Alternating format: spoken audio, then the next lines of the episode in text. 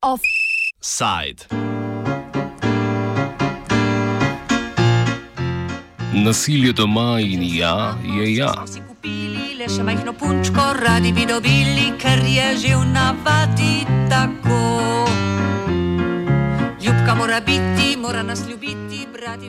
Poljska je začela proces odstopitve od mednarodne istambulske konvencije, ki ureja preprečevanje nasilja nad ženskami, vse od znotraj zakonskega posilstva do pohabe genitalij.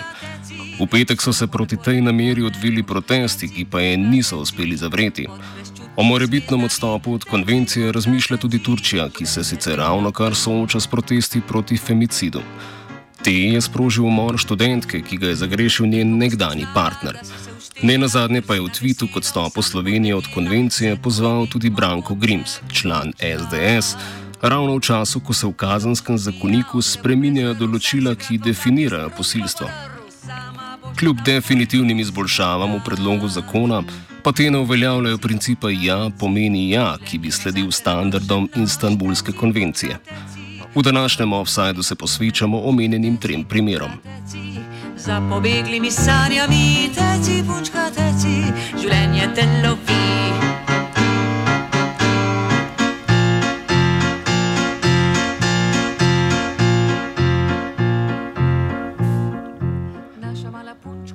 V Turčiji je proteste sprožil umor študentke, po poročanju platforme nevladnih organizacij Ustavile bomo femicide, zadnji od skoraj 150 umorov žensk v letu 2020. V lanskem letu je bilo ženskih žrtev umorov skoraj 500. Obenem se protestnice bojijo izjav nekaterih predstavnikov vladajoče stranke za pravičnost in razvoj oziroma AKP, ki nakazujejo razmišljanje o odstopu od Istanbulske konvencije. Podpredsednik stranke Numan Kurtulmuš je tako izjavil, da je bila ratifikacija podpisa konvencije leta 2012 napaka. Poleg tega so maja letos akademiki in, in intelektualci, mnogi med njimi povezani z vladajočo stranko, na predsednika Rešepa Tajipa Erdoana naslovili peticijo, ki poziva k odstopu od konvencije. Po njihovem mnenju namreč njena dikcija, kot je denimo govor o družbenem spolu, krha tradicionalne spolne vloge. Govor o medpartnerskem nasilju na mesto v nasilju družini pa legitimira netradicionalne oblike partnerskih zvez. Po javnomnenjskih anketah sicer skoraj dve tretjini prebivalstva konvencijo podpirata.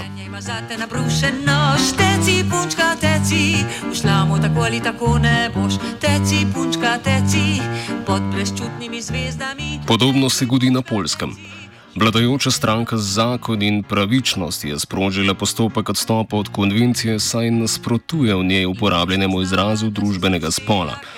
Prav tako trdi, da ženske pred nasiljem že ščiti nacionalna zakonodaja, zato konvencija ni potrebna. Več Vanda Novicka, poslanka polskega parlamenta iz stranke Levica, aktivistka in feministka ter nekdanja predsednica Federacije za ženske in planiranje družine. The Istanbul Convention, uh, which has been ratified by the Pol- uh, Polish government in 2015, it's outbreaking document uh, of the Council of Europe, which uh, proposes uh, a lot of good uh, legal and legal solutions how to prevent and combat the violence but also a lot of instruments of uh, uh, social policies, like, uh, for example, uh, providing the victims of violence with necessary support. Uh, the Polish government basically believes that it is enough to punish the perpetrator, punish the viol- um, violator. They are not interested and they do not support preventive measures. Uh, preventive measures as such, they include um, uh, sexuality, anti-discrimination education at schools so that young uh, boys and girls would be taught uh, how to behave without violence. Uh, mm, uh, the convention um, includes many the need for trainings for health providers, legal providers, uh, policemen, how to how to be sensitive and, and have open eyes to the problem of violence.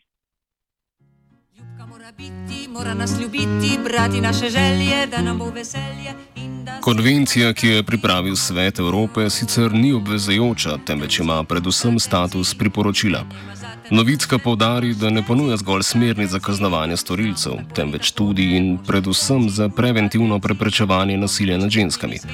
Po besedah pravosodnega ministra Zbignjeva Žiobra gre sicer za feministično stvaritev, ki promovira, citiramo, gejevsko ideologijo in razdira tra tradicionalno družino. A konvencija ne omenja istospolnih porok ali različnih oblik družin, razloži Novicka. The convention is so necessary because we don't want only to punish the perpetrators, but we also want to eliminate the problem of violence, and that could be done only via via preventive measures. Uh, and why the Polish government is against those preventive measures? Because basically they believe or they they are afraid that, for example, sexuality education can transform the Polish the traditional family um, although the convention is very clear about the fact that uh, um, that only such behaviors and attitudes uh, should be eliminated, which promote or defend the violence, not the entire society. Still, they they treat the convention as a um, as a as a risk that the society will be completely transformed. Uh, therefore, they they are trying to block such mechanisms.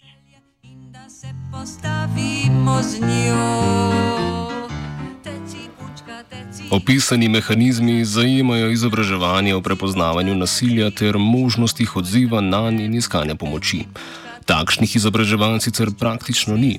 Od lani je kriminalizirana celo spolna vzgoja v šolah, ki bi med drugim otroke lahko učila prepoznavati spolno nasilje.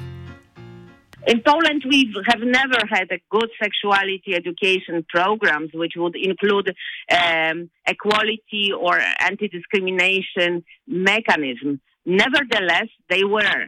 However, the current government is doing everything to um, to uh, eliminate such problems, uh, such programs, uh, um, because, uh, as I said before, they um, they say that sexuality education can lead to uh, to promotion of uh, early sex among um, young uh, people. And while this is opposite, sexuality education is uh, about uh, um, teaching young people about their sexuality and con- and convincing them that they should not uh, um, involved in uh, um, unprotected sex uh, too early. Still, the government is not listening such rational argument, and they are trying to convince the, the society, the, the parents, that the sexuality education is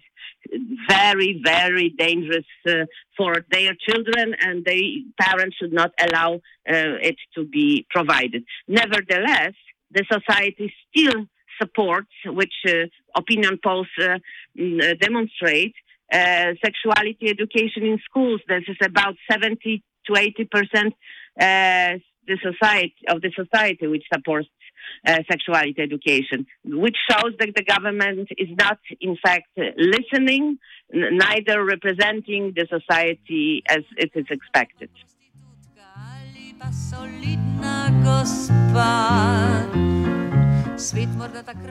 Drugih programov o prepoznavanju nasilja in ukrepanju ob njem na polskem že sedaj praktično ni, razloži Novicka. Kljub temu meni, da je konvencija pomembna. The convention is meant to, as it says, to uh, uh, to uh, to prevent the um, and combat the violence, and this preventive measures are not existing in the Polish society. As I said, there is no educational programs. There are not necessary trainings to sensitize whoever should to be trained uh, how to deal with violence and how to be open, uh, to have open eyes to to symptoms of uh, violence, uh, because only by trying to prevent this phenomenon, um, in the end of the day, we can, uh, if not eliminate fully, at least uh, diminish this phenomenon um, substantially.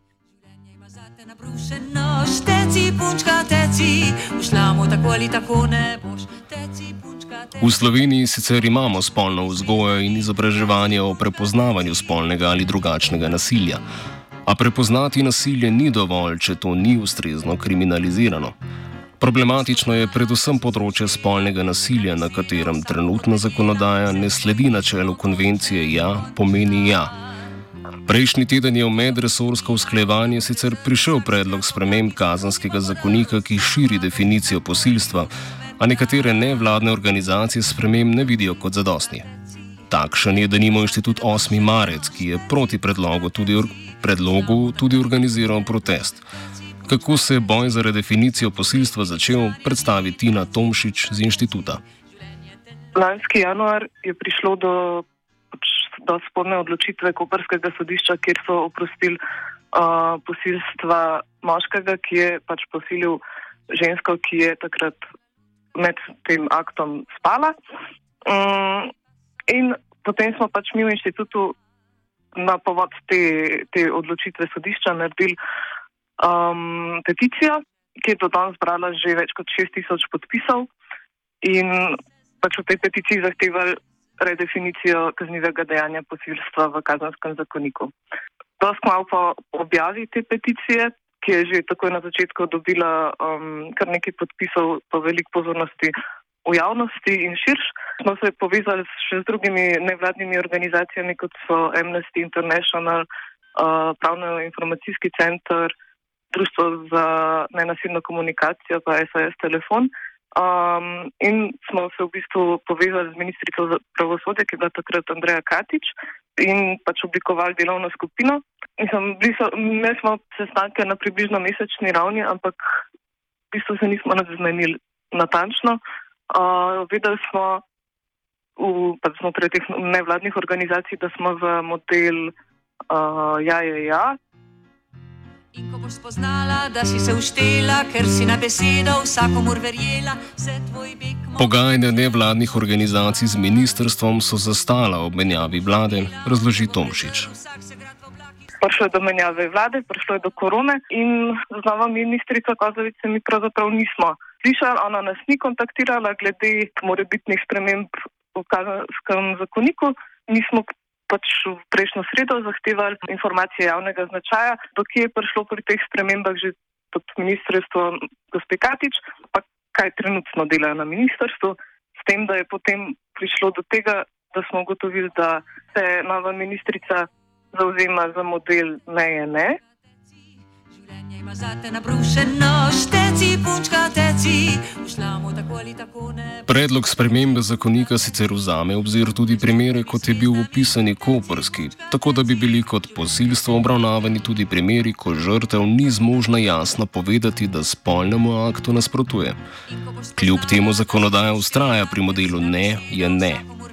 Spremembe predstavi Katarina Brvar Sternat, direktorica Pravno-informacijskega centra nevladnih organizacij. Trenutno je v postopku sprememba kazenskega zakonika in to v delu, s katero je opredeljeno tudi kaznivo dejanje posilstva.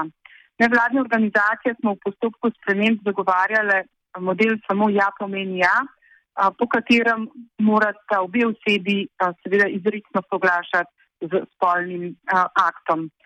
Um, istočasno pa smo zagovarjali tudi odpravo modela prisile, torej, uh, da, so zgolj, uh, da so zgolj tiste dejanja, v katerih je uporabljena sila, fizična sila, opredeljena kot posilstva, ostala pa ne.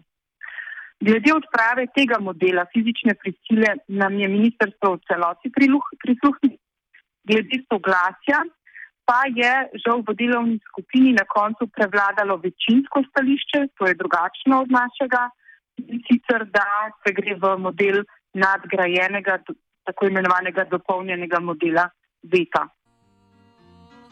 Teci, punčka, teci, življenje ima zate nabrušeno, teci, punčka, teci. Razlika med dopolnjenim modelom VETA in modelom JA je, ja, je v tem, da v prvem dokazno breme leži na žrtvi, v drugem pa v storilcu. Medtem ko po modelu samo ja pomeni ja, je torej potrebno soglasje vseh, model VETA temelji na nasprotovanju. Torej, za posilstvo gre, kadar je bilo izraženo nasprotovanje. Ta predlog pa je zdaj dopolnjen, kot sem omenila, ne gre za dopolnjen model VETA, še za primere, kadar pa naprimer žrtvo zaradi različnih okoliščin, to so lahko ustrahovanje, psihološka zamrznitev, ki je pri žrtvah posilstva pogosta, ne bi mogla nasprotovati.